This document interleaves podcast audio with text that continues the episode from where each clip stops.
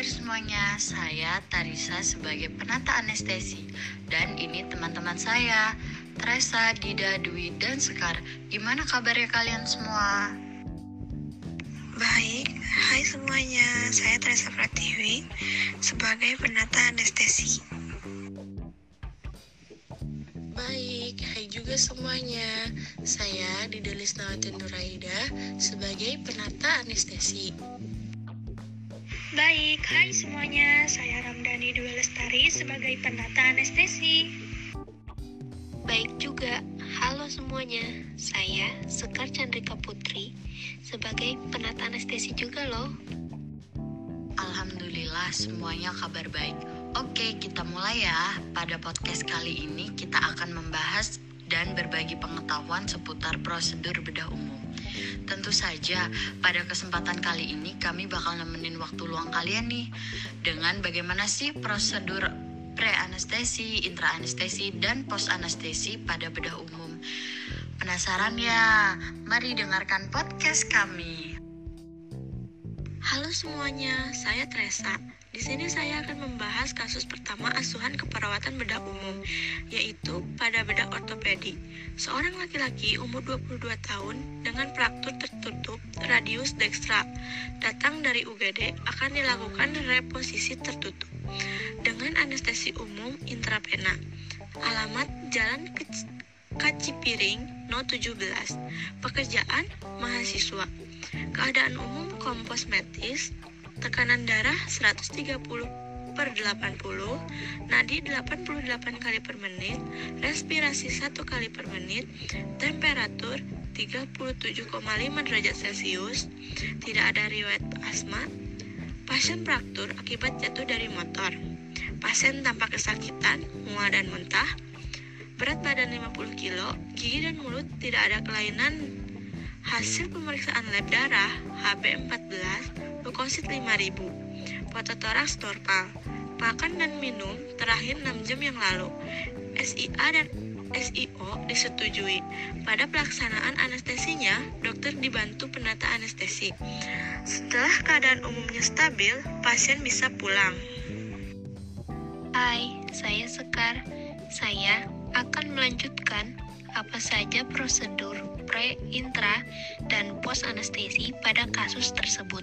Yang pertama, prosedur pada pre anestesi, yaitu membina hubungan baik dengan pasien, mengetahui riwayat anestesi dan riwayat penyakit, mempersiapkan pemeriksaan mental dan fisik pasien, merencanakan dan memilih teknik anestesi, menentukan status fisik dan menilai resiko anestesi, menentukan klasifikasi ASA, siapkan statik termasuk ETT disposable. Dan pada intra anestesi yaitu premedikasi yaitu pemberian obat sebelum induksi anestesi. Pemberian obat dan BHP hipnotik, propofol, analgesik opioid, pentanil, mesker relaksan, altracorium. Induksi, propofol pentanil, MR non-DEP intubasi oral ETT disposable dan posisi pasien supine. Mempertahankan kedalaman anestesi pada pembedahan, memonitoring TTV pasien, kemudian pengakhiran anestesi atau awake extubation. Dan yang terakhir, prosedur pada pasca anestesi. Pasien diberi analgesik postoperatif, analgesik drip, observasi DRR, kirim pasien ke ruang perawatan, HCU atau ICU. Pasien pasca bedah yang telah layak dipindahkan ke RR selama transport dari intraoperasi ke RR harus didampingi oleh dokter anestesi atau perawat anestesi yang mengetahui keadaan pasien pra dan selama anestesi. Selama di ruang pulih, kondisi pasien harus terus dipantau, dievaluasi dan dicatat di catatan perawatan ruang pulih. Penilaian skor Aldred memonitoring jalan nafas, oksigenasi, ventilasi, sirkulasi, dan temperatur pasien. Nah, lanjut. Untuk kasus kedua, yaitu pada bedah digestif seorang perempuan umur 22 tahun dengan appendicitis kronis akan dilakukan appendiktomi dengan anestesi umum menggunakan intubasi ETT. Alamat Jalan Rancaikek No 10.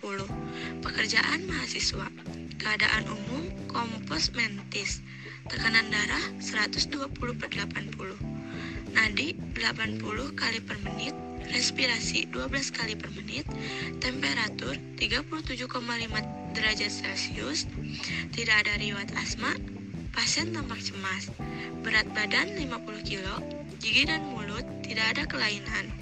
Hasil pemeriksaan lab darah HB13, leukosit 12.000, pototoraks normal, makan atau minum terakhir 6 jam yang lalu. SIA dan SIO-nya disetujui. Pada pelaksanaan anestesi, dokter anestesi dibantu oleh penata anestesi. Halo semuanya, saya Dwi. Saya akan melanjutkan apa saja prosedur pre, intra, dan post anestesi pada kasus tersebut. Langsung saja, prosedur pada saat pre anestesi. Yang pertama, lakukan pengkajian kepada pasien seperti anamnesis, pemeriksaan fisik, pemeriksaan laboratorium, pemeriksaan radiologi, dan pemeriksaan malampati. Yang kedua, menentukan status fisik pasien atau ASA. Yang ketiga, merencanakan teknik anestesi yang akan digunakan. Yang keempat, menjelaskan terkait prosedur pembedahan dan pemberian obat sedatif kepada pasien.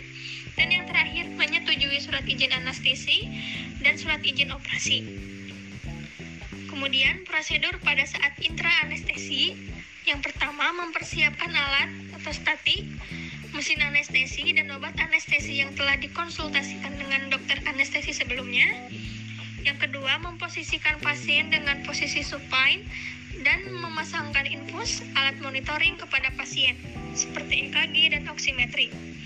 Yang ketiga, pemberian obat premedikasi atau obat pendahuluan, kemudian pemberian obat induksi. Yang keempat, setelah pasien teranestesi, lakukan pemasangan intubasi dengan ukuran ETT yang telah ditentukan. Yang kelima, melakukan monitoring pasien intraoperatif. Dan yang terakhir, pengakhiran anestesi atau ekstubasi. Kemudian, prosedur pada saat pasca anestesi. Yang pertama, memindahkan pasien dari kamar operasi ke ruang RR. Yang kedua, melakukan penilaian pasca anestesi dengan menggunakan Aldred score. Dan yang terakhir, memantau kondisi pasien pasca anestesi. Hai semua, saya Dida. Di sini saya akan menyimpulkan perbedaan prosedur pre, intra, dan post anestesi dari kasus bedah digestif dan bedah ortopedi.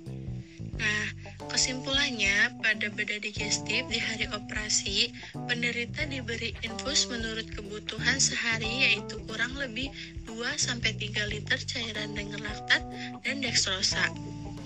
Pada pembedahan digestif, Mobilisasinya cepat setelah penderita sadar dengan menggerakkan kaki, miring ke kiri dan ke kanan bergantian, serta duduk. Penderita juga boleh jalan pada hari pertama pasca bedah.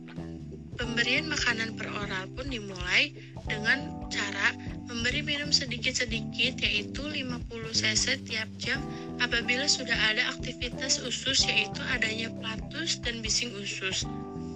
Bila mana dengan pemberian minum bebas penderitanya tidak kembung, maka pemberian makanan per oral pun dimulai. Jahitannya diangkat pada hari kelima sampai hari ketujuh pasca bedah. Sedangkan pada operasi fraktur tertutup merupakan operasi cito yang tujuannya untuk menyelamatkan pasien tersebut. Pada fraktur tertutup, penata laksanaan awal tetap sama, yaitu stabilisasi A, B, C, dan E. Kemudian, dilakukannya imobilisasi pada lokasi fraktur. Imobilisasi dengan pembedaian dapat dilakukan pada secondary survey kecuali bila luka tersebut mengancam nyawa. Namun, setiap fraktur harus diimobilisasi sebelum transportasi pasien. Selalu evaluasi status neovaskular dan ekstremitas setelah melakukannya reduksi pemidaian. Analgesik diindikasikan pada fraktur walaupun dengan imobilisasi yang baik, maka nyeri secara signifikan akan berkurang. Narkotik juga dapat diberikan dengan dosis kecil melalui intravena dan dapat diulangi bila diperlukan. Namun, hati-hati juga dalam pemberian analgesik, pelemas otot, ataupun sedatif, karena dapat menimbulkan efek seperti depresi napas